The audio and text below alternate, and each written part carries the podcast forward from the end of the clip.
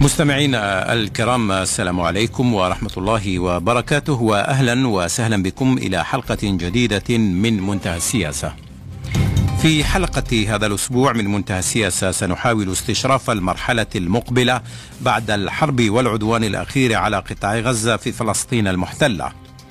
نتساءل في حلقة هذا الأسبوع من منتهى السياسة عن سبل الاستثمار في صمود المقاومة الفلسطينية وهل أصبحت هي الممثل الشرعي للشعب الفلسطيني؟ كما نناقش في هذه الحلقة موقع ودور السلطة الفلسطينية في المرحلة القادمة وكيف سيكون التعاون بين الطرفين خدمة للمشروع الوطني الفلسطيني؟ الفلسطينيون في مواجهة مرحلة ما بعد العدوان على غزة. عنوان حلقة هذا الأسبوع من منتهى السياسة. وأرحب بالأستاذ حمزة طراوي ممثل الجالية الفلسطينية وبالزميل فهم عبد الله الصحفي المختص في الشؤون الدولية. ومن إسطنبول يلتحق بنا الكاتب والباحث السياسي إبراهيم المدهون. فمرحبا بكم مستمعينا الكرام إلى هذه الحلقة من منتهى السياسة.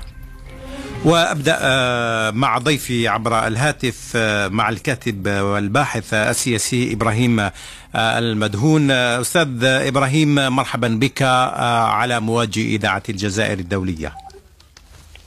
أهلا وسهلا بكم وتحياتي لك ولضيوفك ولشعب الجزائر البطل الخير مساعد ومساند لشعبنا الفلسطيني ومقاومته. شكرا جزيلا لك. أنا أبدأ أما لو نبدأ اولا لنتحدث عن أهم المكتسبات التي حققتها المقاومة الفلسطينية في هذه الجولة الأخيرة من المواجهة مع الاحتلال، ما هي أهم المكاسب التي يمكن أن نعددها في هذه المرحلة؟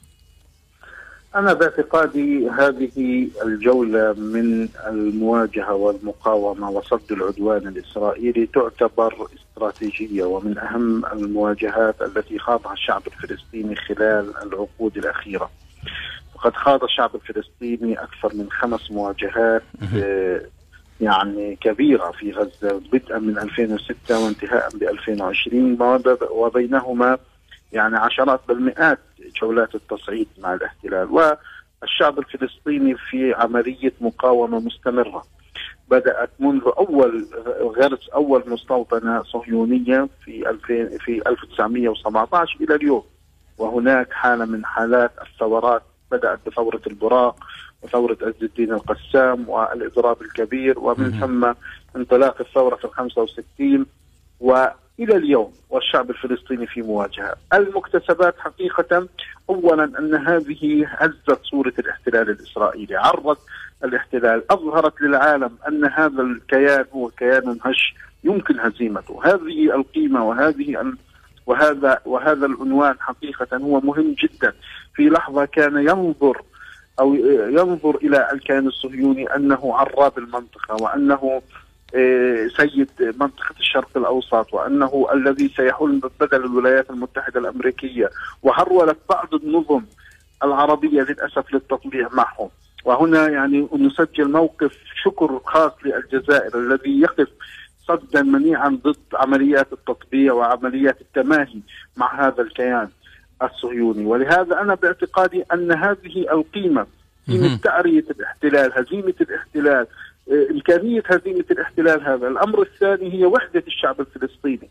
الاحتلال مارس عملية سياسة فرق تسد فقد عامل على الانقسام وعلى تعزيز وفصل الضفة عن غزة فصل ال 48 عن الخارج. اليوم في هذه المواجهة الكل اتحد. حماس وفتح والمقاومة واليسار الجميع كان في يد واحدة خلف القائد العام أبو خالد الضيف قائد كتائب القسام. خرجوا في القدس خرجوا في نابلس خرجوا في الأردن في لبنان الشعب الفلسطيني في كل تواجده كان هناك حراك ووحدة عنوانها القدس وهي داعمة للمقاومة الفلسطينية الذي يعني أطلقها الأخ أبو خالد الضيف وهو الذي تحول إلى أيقونة رمزية يلتف حوله الشعب الفلسطيني في الداخل والخارج. هذه أيضا الاحتلال الإسرائيلي تراجع دوره. اليوم حتى الولايات المتحدة الأمريكية باتت لا تثق بهذا الاحتلال. باتت تتعامل معه بشكل مختلف حتى النظم العربية بما فيها مصر باتت ترى أن هذا الاحتلال يمكن محاصرته ويمكن أيضا يعني دعم المقاومة هناك إعادة ثقة للمقاومة الفلسطينية بالإضافة إلى الهزيمة الهزيمة الحقيقية. هناك من يظن أن الاحتلال الإسرائيلي هزم معنويا. أيضا هزم على الأرض لم يستطع أن يوقف الصواريخ. مئات بل آلاف الصواريخ نزلت لأول مرة في تاريخ الكيان الصهيوني على مدن المركز. تل أبيب هذه البقرة المقدسة التي لا يمكن المساس بها والتي كانت تحمى من كل الجوانب تعرضت خلال العشرة أيام إلى وابل من النيران حقيقة أذهل الاحتلال الإسرائيلي. صدم هناك صدمة داخل الاحتلال. بالإضافة أن هناك طيب. هزيمة على الأرض. دقيقة بس. أن هناك هزيمة على الأرض. هذه الهزيمة تمثلت في أن الجيش الإسرائيلي لم يتقدم إلى غزة وجبن و آه، ولم يستطع أن يتقدم مترات قليلة إلى غزة. كانت الحشود العسكرية بعيدة تبتعد عن قطاع غزة 10 كيلو لأن أي تقدم ولو كيلو واحد لو كانت بعيدة كيلو واحد فقط عن غزة لنفذت إيه، إيه، عشرات العمليات و لتم ضرب الجنود الإسرائيليين ولهذا أنا باعتقادي أننا اليوم أمام هزيمة حقيقية وأمام وحدة ونصر حقيقي للشعب الفلسطيني. طيب يعني نحن أمام هزيمة حقيقية يقول الأستاذ إبراهيم المدهون للكيان المحتل ولنصر واضح للمقاومة الفلسطينية. آه، الأستاذ حمزة الطيراوي أنت رئيس الجالية الفلسطينية آه، هنا في الجزائر، يعني من هذه النقطة نبدأ الحديث عن الكيفية التي يمكن للفلسطينيين أن يستفيدوا مما حققوه في هذه الجولة من المواجهة. من أين ينبغي أن يبدأ الفلسطينيون آه، الاستثمار في كل ما تحقق خلال هذه آه، الحرب الأخيرة؟ بداية أتوجه بالشكر لكم وبالتحية لكل الشعب الجزائري على ما تقدمه الجزائر وعلى احتضانها لفلسطين ولكل ما يخص فلسطين. وأعود إلى السؤال. أحب أن أحدد أنه الظاهر في المعركة أنه كان في القدس وفي مناطق الداخل الفلسطيني وفي غزة. المعركة شملت العالم كله. ولأول مرة نحن نخوض محركة رأي عام. أيضا إضافة إلى الصواريخ خضنا معركة رأي عام ومعركة منظمة لم تكن وليدة الصدفة. هناك تأسس تشكلت دائرة في منظمة التحرير الفلسطينية منذ عشر سنوات أو يزيد قليلا اسمها دائرة شؤون المغتربين. تشكلت هذه الدائرة من أجل التأثير على الرأي العام الأوروبي خاصة أن الكثير من الأوروبيين لا يعرفون عن وضعنا وأصبح هناك مهاجرين فلسطينيين وعرب كثر في أوروبا. ونستطيع أن نؤثر على رأي الحكومات من خلال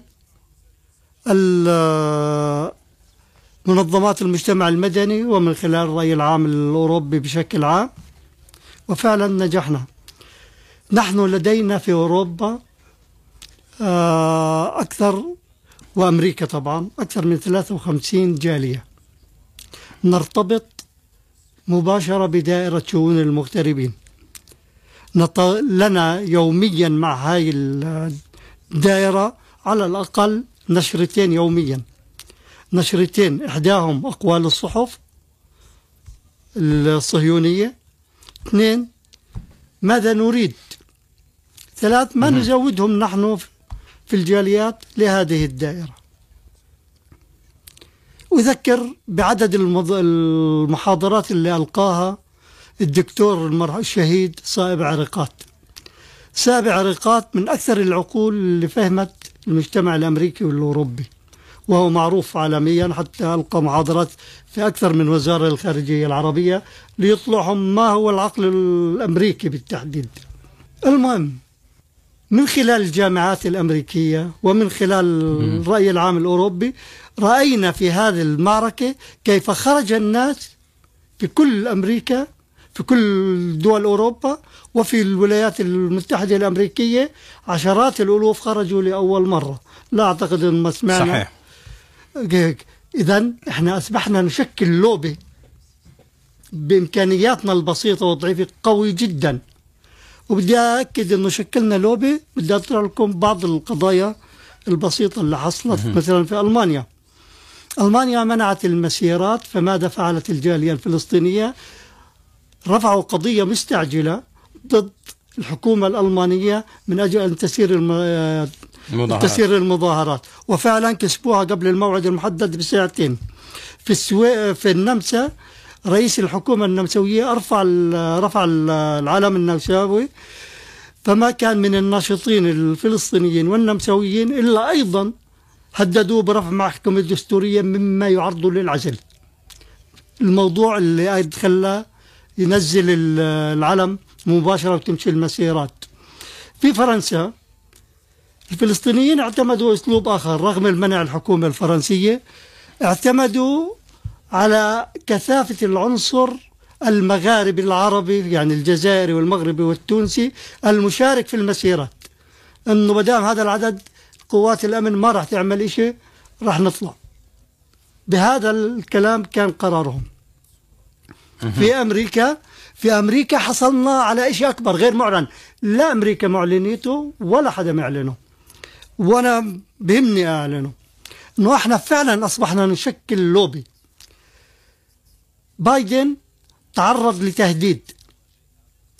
وأقول إنه بايدن تعرض لتهديد مش منا إحنا. تعرض من اللوبي الفلسطيني في أمريكا. اللي كما تعرفون الديمقراطيين والجمهوريين بينهم صوت واحد في الانتخابات. في الديمقراطيين ففي ثلاثة من الديمقراطيين كلكم تعرفوا الطليب. أو سمعت عنها فلسطينية.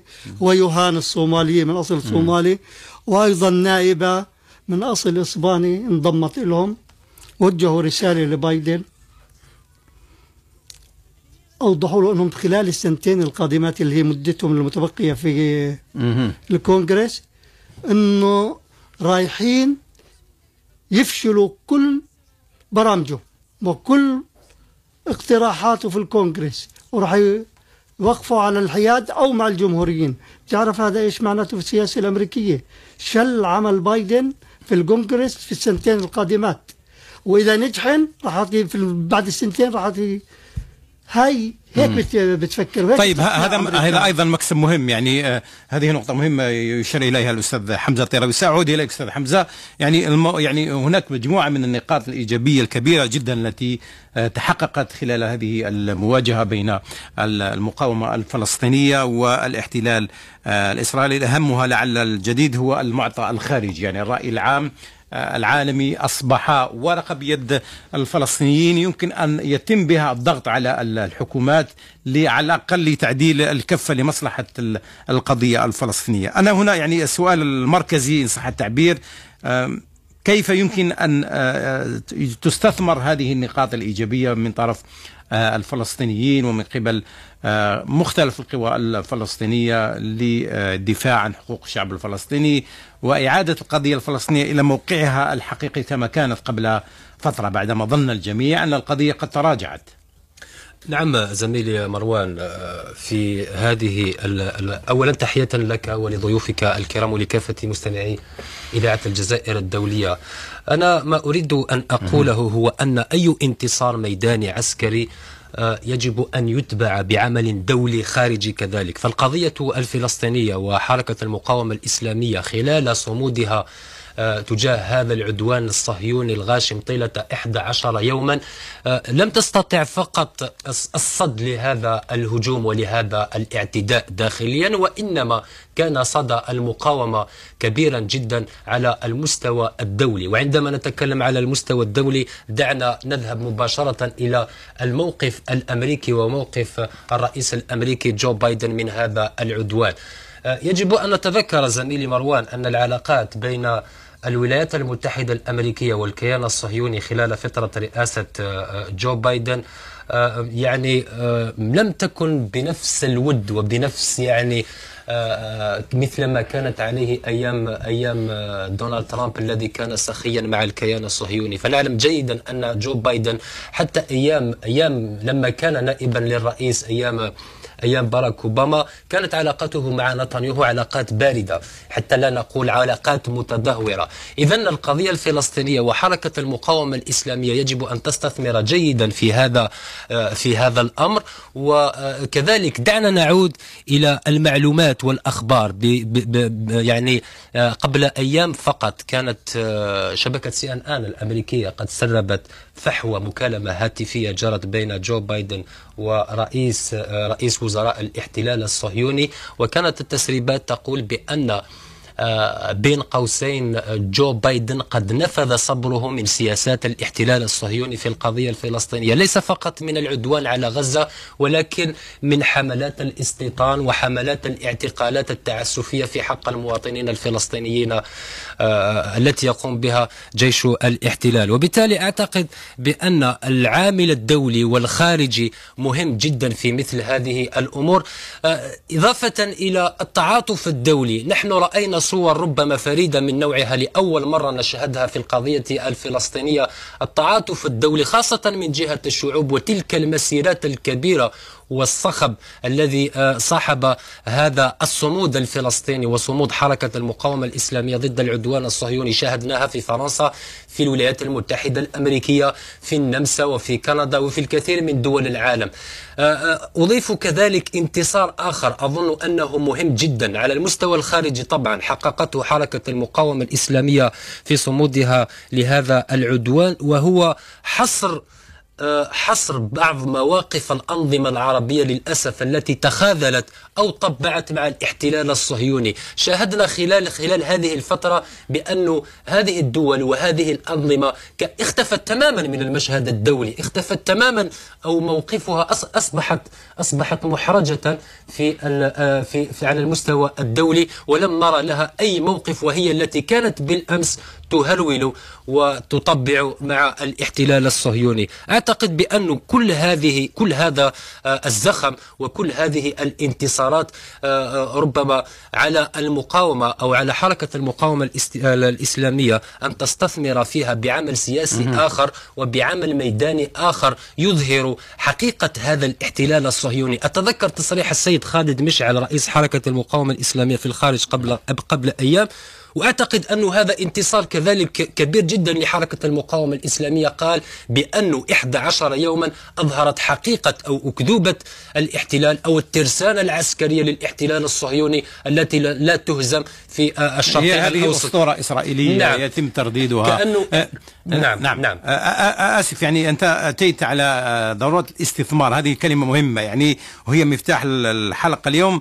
آه، سؤالي إليك الأستاذ آه، حمزة طيراوي. لو آه، نذهب يعني لمستوى الداخل الفلسطيني يعني على الصعيد الفلسطيني وكيفية الاستثمار في ما تحقق من هذا الزخم عقب هذه المواجهة هل يمكن أن تكون آه هذه آه الجولة وما تحقق فيها من مكاسب للفلسطينيين. هل يمكن أن تكون مقدمة من أجل تحقيق المصالحة الوطنية والوحدة آه الوطنية وإنهاء الانقسام ولما لا تشكيل حكومة وحدة آه وطنية بين حركة حماس وفتح بالتالي إنهاء آه، مرحلة من آه، عدم التفاهم والانشقاقات داخل الفلسط... داخل الصف الفلسطيني كما يطالب الكثير من الفلسطينيين. هل تعتقد أن المرحلة المقبلة يمكن أن تشهد تطورا من هذا القبيل؟ أو آه، هل يمكن أولا؟ بعض القضايا التي نستخدمها بشكل عفوي. المقاومة في فلسطين كلها وليس بأشكال مختلفة وليست في غزة ماذا تقصد بأشكال مختلفة مثلا يعني؟ آه الأشكال المخت... العملية الفدائية الصاروخ أيوة. اللي يطلق من غزة هو جزء من المقاومة وليس كل المقاومة العملية الفدائية طعن بالسكين هي جزء من المقاومة عملية آه، المقاومة آه نعم. الصدامات على الحواجز في الضفة الغربية بين لكن الصدامات في الضفة ممنوعة يعني آه، مين منع بحكم, بحكم التنسيق الأمني. نعم. لا لا لا لا موجودة موجودة. هلا في تغطية إعلامية لكنها موجودة. في ضعف في التغطية الإعلامية اللي بيعرفوا اللي راحوا اللي راحوا على الضفة الغربية بيعرفوا كيفية جغرافية الضفة وبيعرفوا إنه استحالة بعض العمل. نعم. كيف؟ من يعني أنت بين الكرسي والكرسي هذا في صهيوني نعم شايف؟ بينك وبينه في كمان مستعمرة بينك وبينه في حاجز. يعني الضيق اللي بيعيشوه أهل الضف لدرجة إذا بدك تروح على منطقة تسل بيار هنا في الجزائر بدك ربع ساعة هيا. لكن لا في الداخل في في في, في, اللي في الداخل بدك ساعتين. من نفس المسافة بدك ساعتين وأكثر. المهم بدي أحب إنه إحنا لما بنحكي نحكي عن كل مقاومة ككل بأشكالها المختلفة. لأنه في أنا كنت الأخير أعتقد أن أنك تشير إلى خلينا- مقاومة سياسية بدي يعني أعطيك حتى بدي نفهم أعطيك أنا المستمع أن بدي أعطيك بدي أعطيك شيء اللي ما أحد أشار له. إنه العدو الصهيوني أوجد القبة الحديدية بناء على صواريخ غزة. مم. حقيقة هاي. عارف يعني إيش على صواريخ غزة؟ طب ما في عندهم الباتريوت. لكن أجبروا على أنه يوجد آه قبة حديدية. قبة حديدية. القبة الحديدية هاي في استخدمت أيضا في عام آه، 2014 نجحت إلى حد كبير فماذا حصل الآن.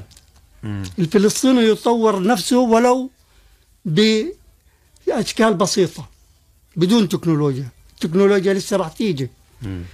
طور نفسه من خلال إنه هاي ال- القبة بتقدر ت- تتقبل في كل مرة 40 صاروخ إذا بنطلق ضعف ال... و- و- و- وتعميم المنطقة لا، يعني بعطيك يعني العدد إنه وال- بفكرة بسيطة- والتغطية يعني مم. بفكرة فافشلوا دور القبه الحديديه در- درسوا دور. طريقة د- إدارة إرادة الناس القبة. إرادة الإنسان يا أخي اللي هي أهم أهم من أي صاروخ وأهم من أي قنبلة وحب والقناعة بالاستشهاد.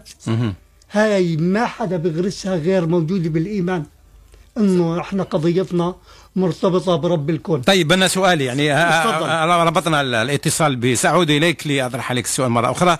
ال- الأستاذ إبراهيم مدهون يعني سألتك قبل قليل حول إن كان الوقت الآن مناسبا للاستثمار فيما تحقق في هذه المواجهة مع ال- الاحتلال من خلال آه، أو عبر التوجه إلى تحقيق مصالحة وطنية وإنهاء الانقسام وتشكيل وحدة وطنية فلسطينية آه، بين بين الفلسطينيين يعني بين حماس و آه، فتح. هل تعتقد أن الظرف الآن آه، مناسب لتحقيق ذلك طالما أن المقاومة خرجت قوية والفلسطينيون أظهروا وحدة شعبية كبيرة خلال هذا العدوان؟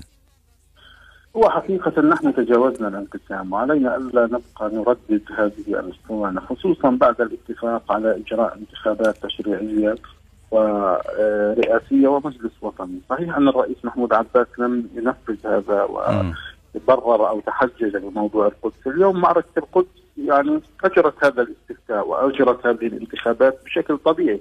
ولهذا الحديث اليوم عن الانقسام أضحى من الماضي. نتحدث عن الوحدة. هل الآن ممكن يعني الذهاب إلى تشكيل أنا وحدة أنا سأكمل. أنا سمعنا سأكمل نعم. يعني. أنا فهمت سؤالك ولكن أعطني إيه، وقتا لكي أوضح. لأنه هذه مفاهيم حقيقة نحن كفلسطينيين ننحرج منها. وكأن الشعب الفلسطيني صحيح الاحتلال وأنا قلت في إجابتي الأولى صحيح الاحتلال لعب على موضوع الانقسام. الآن الانقسام انتهى. الآن حينما يخرج ابن رام الله يهتف لأبو خالد الضيف وأبن القدس يهتفوا للصواريخ إذا الانقسام الذي كان ما بين مشروع التسوية ومشروع المقاومة انتهى. اليوم الشعب الفلسطيني توحد خلف المقاومة. المواجهة مشروع التسوية انتهى انتهى بصفقة القرن. انتهى بحكومة يمينية انتهى بتآكل دور السلطة. إذا اليوم نحن أمام حالة فلسطينية ثورية لا يوجد أي انقسام الآن. الآن صحيح أن هناك حالة في ضفة وفي غزة وفي 48 هذه تحطيمات إسرائيلية. لا نعترف بها. نحن الآن في مرحلة في مرحلة آه، موجة ثورية واسعة وكبيرة. وباعتقادي أن الصواريخ التي دكت كل آه، فلسطين المحتلة وكل تواجد الاحتلال الإسرائيلي وخروج فلسطينيين 48 و 67 والضفة وغزة وأيضا خروج فلسطينيي الشتات. وهذه وهذا الرأي العام الدولي الملتحم مع الشعب الفلسطيني.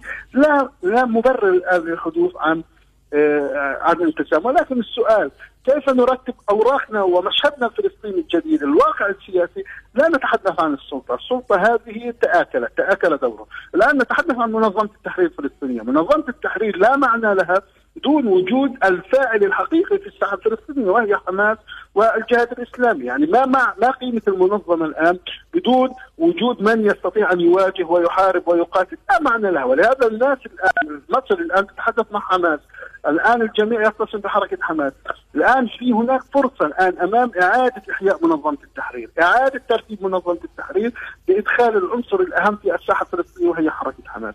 باعتقادي أن هذا ليس انقسام ولكن هناك يجب أن يكون هناك ترتيبات فلسطينية سياسية توافق الواقع. الذي تعزز في سيف القدس. طيب سأعود إليك أنت طرحت نقطة مهمة سأعود إليك بعد وأعود إليك إليكما أيضا ضيفي هنا بالأستوديو ومستمعينا الكرام بعد فاصل قصير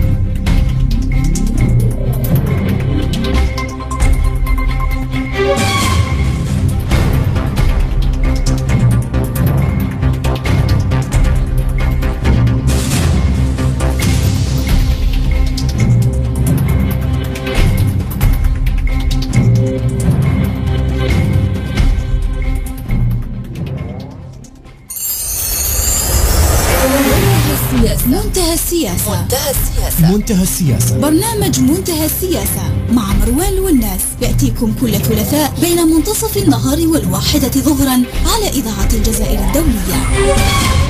منتهى السياسة.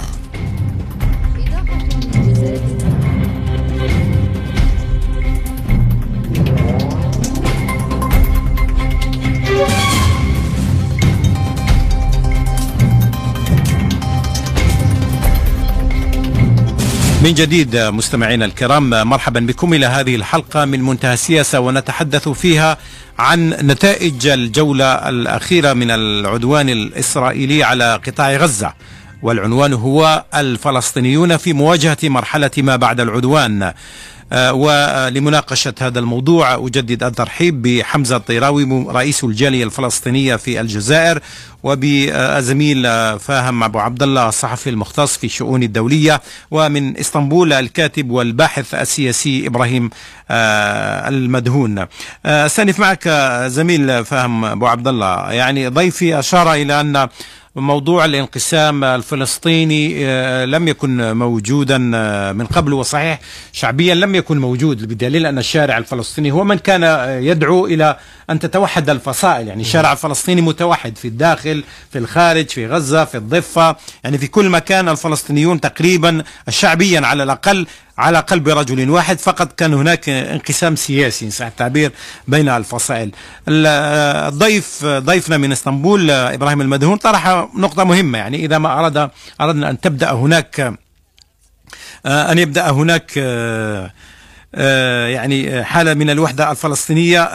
أن نبدأ أولا من خلال إعادة إصلاح أو تنظيم منظمة التحرير الفلسطينية وأن تصبح حركة حماس وحركة الجهاد الإسلامي جزءا من هذه المنظمة. برأيك هل هذا الآن هل الظرف الآن ممكن وهل يمكن إصلاح منظمة التحرير الفلسطينية وإدخال المقاومة كأطراف أساسية في هذه المنظمة التي تجمع كل الفصائل الفلسطينية؟ نعم زميلي مروان أولا عند الحديث عن القضية الفلسطينية عموما فإن موقف الشعوب ليس فقط في فلسطين ولكن في كل الدول العربية هو موقف موحد بأنه يؤيد القضية ويتعاطف معها ويدعمها. هذا الأمر يعني مفروغ منه. مفروغ منه سواء في فلسطين أو خارج فلسطين. أو في كل الدول العربية. ثانيا إصلاح منظمة التحرير الفلسطينية وإدماج حركة المقاومة الإسلامية. الدكتور كان أشار إلى إلى آه، أمر مهم جدا وهو ما ذهبت إليه العديد من الدول بما فيها مصر والولايات المتحدة الأمريكية بأن المفاوضات القادمة أي تفاوض آه، قادم هي مجرد تلميحات على كل حال ولكن يبقى اعتراف بأنه على على الطرفين أو على العالم أو المجتمع الدولي أن أن يعترف بالمقاومة بحركة المقاومة الإسلامية ككيان مهم جدا داخل القضية الفلسطينية بأنه لأن الآن الأمر يتعلق الأمر يتعلق بعدوان على غزة وغزة التي انتفضت حركة المقاومة الإسلامية التي انتفضت هذه الم- المرة عكس المرات السابقة نصرة لغزة ونصرة.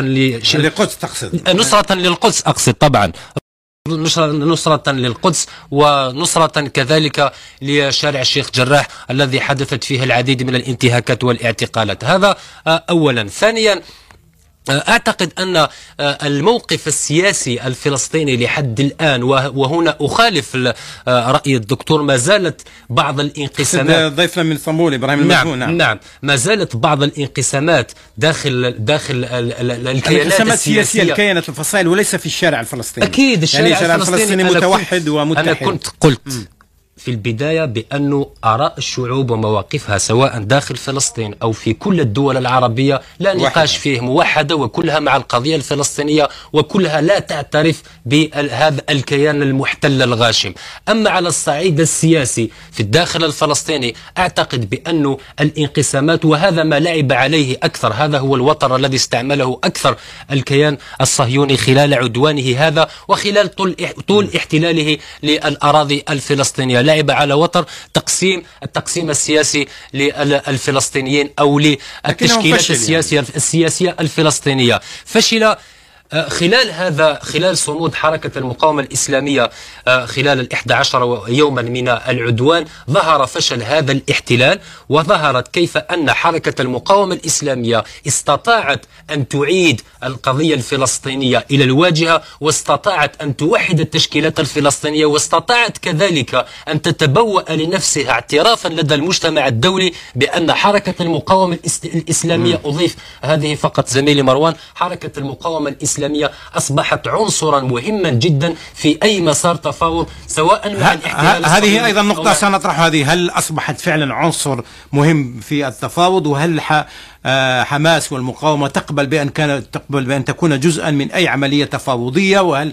ستقبل القوى الكبرى بذلك الإدارة الأمريكية آه، هل ستنتهي هذه المفاوضات إلى تحقيق أهداف إلى تد عملية تدشين مثل ما زميلي مروان فقط أضيف 30 هذه في 30 عاماً. ثانية نعم. في 30 ثانية أنا أستسمحك أستاذ أستسمحك أستاذ في 30 ثانية انظر إلى العديد من المواقف الدولية التي كانت تصنف نعم، حماس نعم.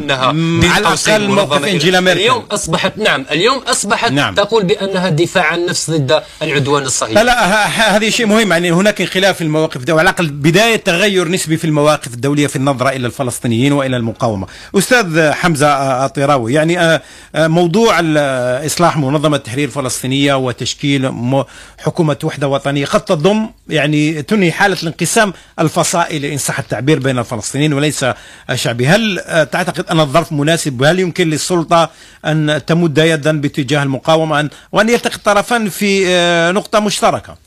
دعني أوضح بعض النقاط. تفضل. أولا نحن في منظمة التحرير الفلسطينية نعمل على تفعيل منظمة التحرير منذ سنوات.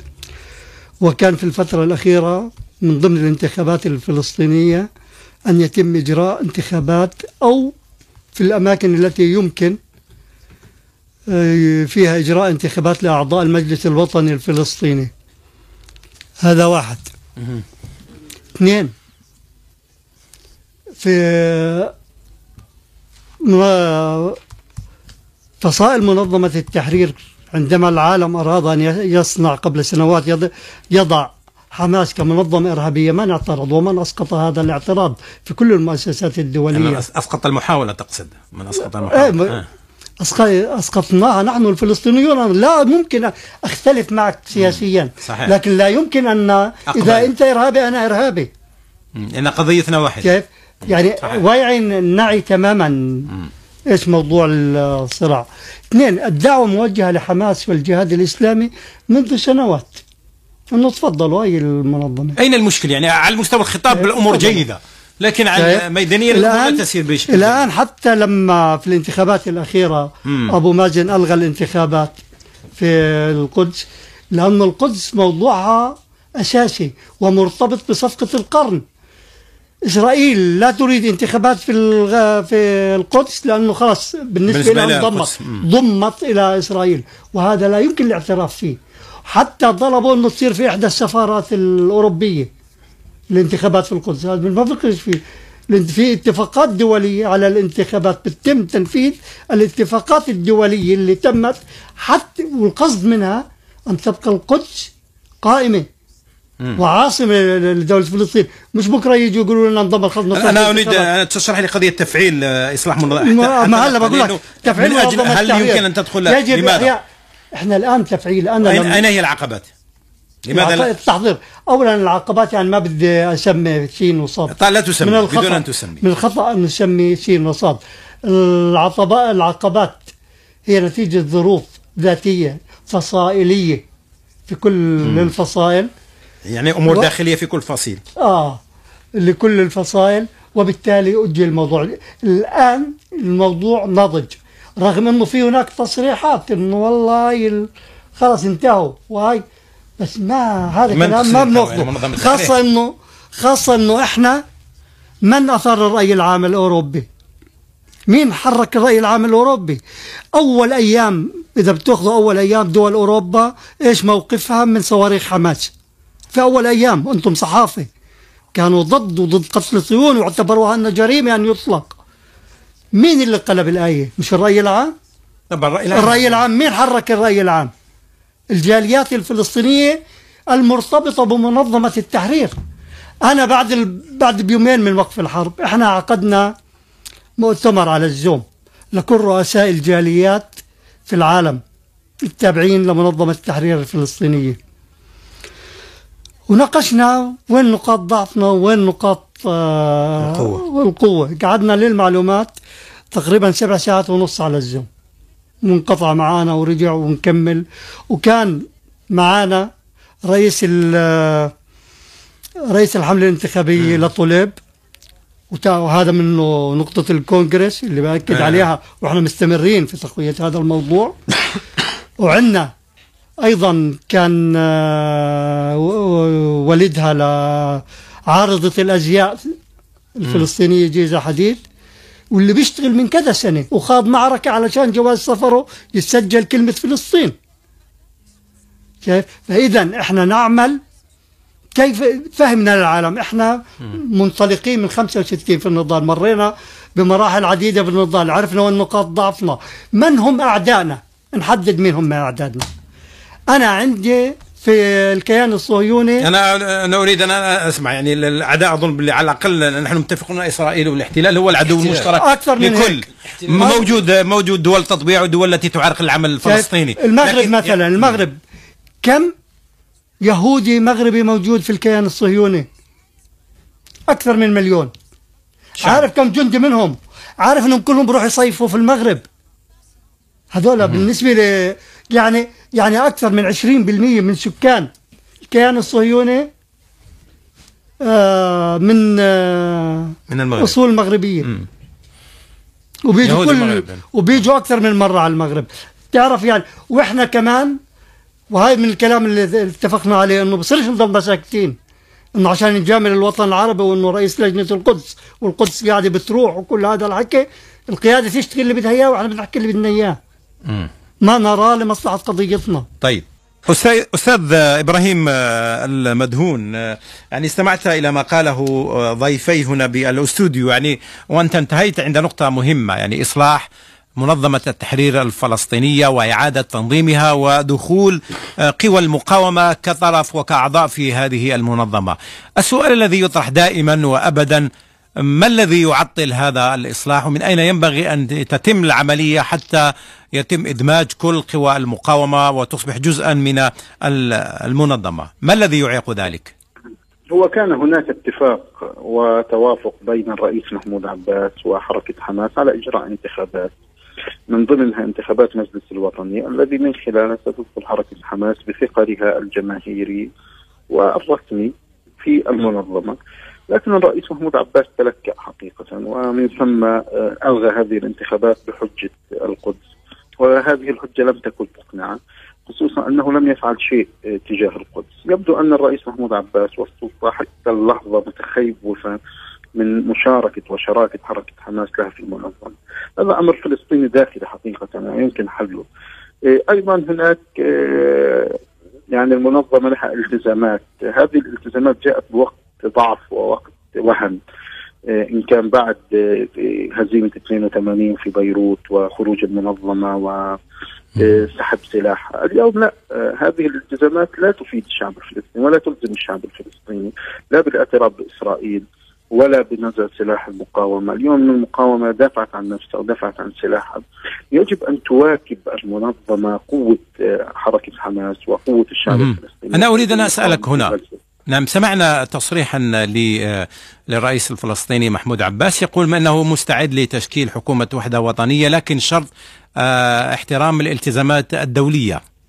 بالضبط. الرئيس محمود عباس يعيش في مرحلة الوهن إيه، لم يواكب قوة الشعب الفلسطيني وقوة مقاومته. الأمر الآخر الآن الحديث ليس عن سلطة. هذه السلطة هي تحت عباءة الاحتلال تحت بساطيل الاحتلال. كما قال الرئيس محمود عباس نفسه حماس غير قادرة على الدخول بسلطة بهذه المواصفات. ولهذا يجب الحديث الآن ليس عن حكومة حكومة يعني حكومة خدماتية. هذا الأمر بسيط. اليوم الحديث عن منظمة التحرير. هذه التي تمثل الشعب والذي تريد أن تحيي الحالة الفلسطينية الثورية. اليوم هناك موجة ثورية عارمة وكبيرة تقودها حركة حماس. هناك وقائع جديدة. هناك سلاح آه، آه، يعني ظهر للعالم أجمع أنه قادر أن يتصدى للاحتلال والاحتلال وقف خانعا ووقف ذليلا أمامه. هذه يجب أن يتم آه، تحشيد القوى الوطنية الفلسطينية لدعمه ومساندته وليس العودة للوراء. نحن نقول أن ربما كان هناك حالة من حالات الضعف والوهم بعد خروج م. المنظمة من بيروت وتقليم أظافرها ونزع سلاحها وهزيمتها طيب. رغم صمودها وصبرها نعم. الكبير سؤال في بيروت سؤال آخر يعني. نعم قدمنا الكثير من التضحيات. نعم. اليوم نعم هذه اليوم اليوم. المعادلة تغيرت. هذه المعادلة تغيرت تقول سؤال مهم في هذه النقطة لو سمحت. أدرك أنها تغيرت. نعم. العالم أدرك أنه تغير تغير كل شيء. هل هل تعرف أن نعم. الآن في معادلة جديدة. أسألك يعني في هذه المرحلة المعادلة تغيرت والمقاومة في آه، ذروة القوة القوة أو في حالة قوة بعد ما تحقق الآن. هل, في هل سؤالي نعم في منحنى تصاعدي. صحيح. سؤالي نعم. يمكن أن نعود إلى المنحنى التنازلي. صحيح. سؤالي سؤالي الآن. هل هل حماس هل حماس يعني لاحظنا يعني بداية تغيرات في المواقف الدولية. هل حماس مستعدة لدخول في اتصالات أو مفاوضات أو في مسار سياسي للحل في أطراف دولية. يعني آه، ممكن مسار يشبه مسار أوسلو عندما بدأ. يعني هل حماس مستعدة لدخول نعم. في أي شكل من أشكال هذه المفاوضات؟ نعم تفضل. أخي أنا أفهم سؤالك بسرعة يعني.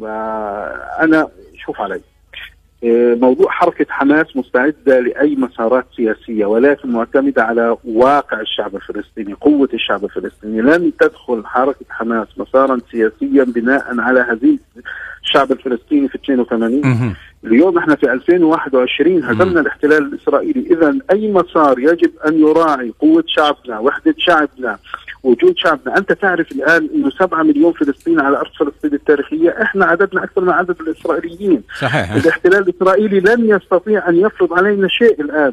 ما فرضه على المنظمة في السابق لن يستطيع أن يفرضه. هناك ثلاث شروط للاحتلال الإسرائيلي لن ينفذ منها أي طيب. شرط. حماس في 2006 عرضت عليه هذه الشروط. نعم. اللي هو نزع السلاح وكانت أضعف من ذلك بكثير نزع السلاح نبذ المقاومة الاعتراف طيب. بإسرائيل حتى مم. اللحظة خرجت قيادة حماس قالت لن نعترف بإسرائيل العالم كله حاصرها قاتلها خمس حروب عشرات الجولات بعد ذلك لا يمكن إلا أن يعترفوا هم بواقع جديد الآن يعزز في غزة يعزز في طيب. القدس يعزز نعم. في 48 ولهذا حماس مستعده لمسار سياسي ولكن يحتاج قوه وحضور نعم. ووجود الشعب الفلسطيني على أرضه. نعم شكرا جزيلا لك الأستاذ إبراهيم المدهون الكاتب والباحث السياسي الفلسطيني كنت معنا من إسطنبول من تركيا شكرا جزيلا لك على هذه المشاركة واستانف أنا من حيث انتهيت أنت في هذه النقطة. الأستاذ فاهم أبو عبد الله ضيفي يقول بأن حماس مستعدة لأي مسار تفاوضي بعدما تحقق في هذه الجولة.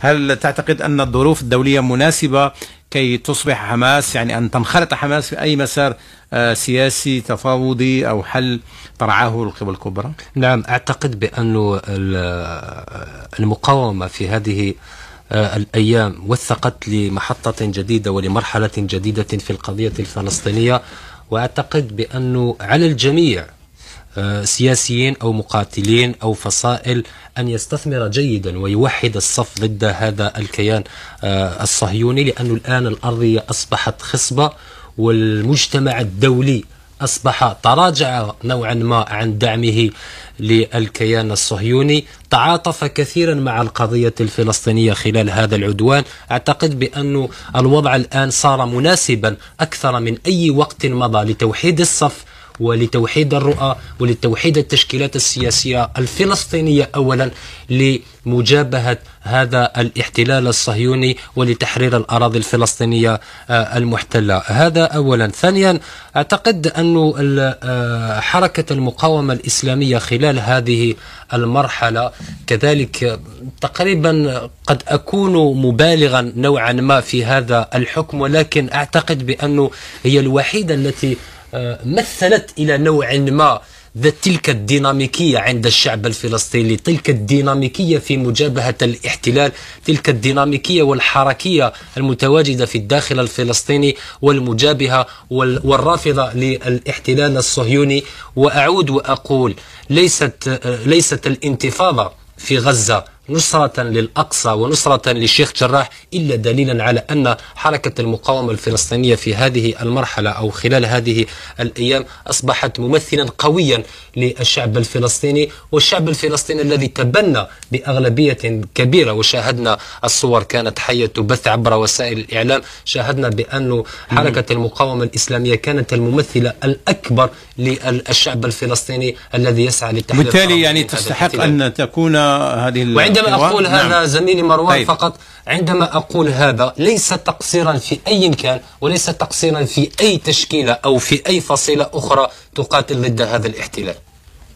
طيب سؤال أخير للأستاذ حمزة. يعني آه الآن يبدو كأن الكرة في ملعب منظم آه السلطة الفلسطينية على الأقل فتح أبواب المنظمة وضم بقية الفصائل وتوحيد وإنهاء موضوع هذا الانقسام والانشطار.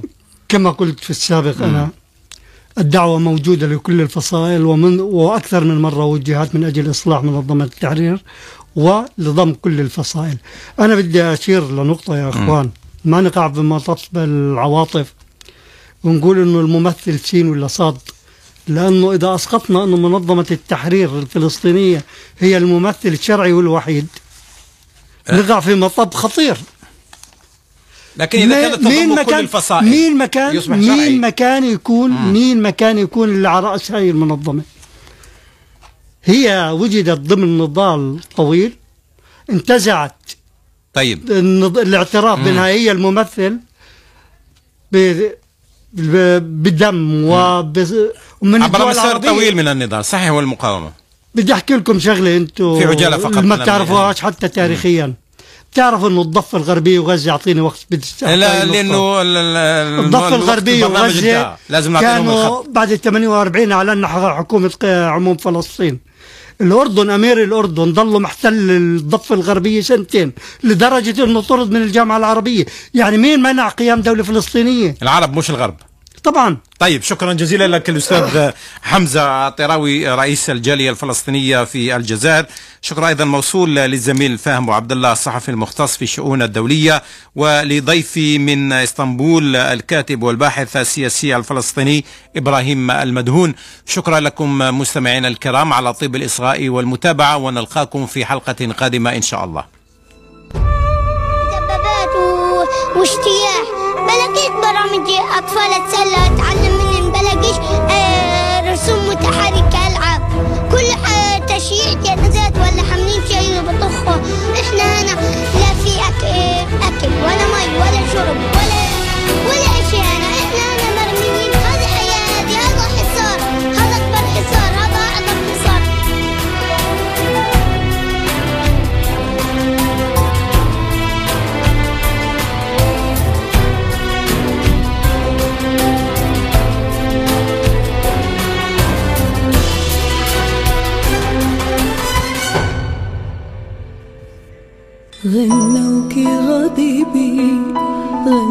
غنوك أسفينا غنوك أملينا قدس سامحينا. غنوك غضيبنا غنوك آسفين. غنوك أملينا قدس سامحين يا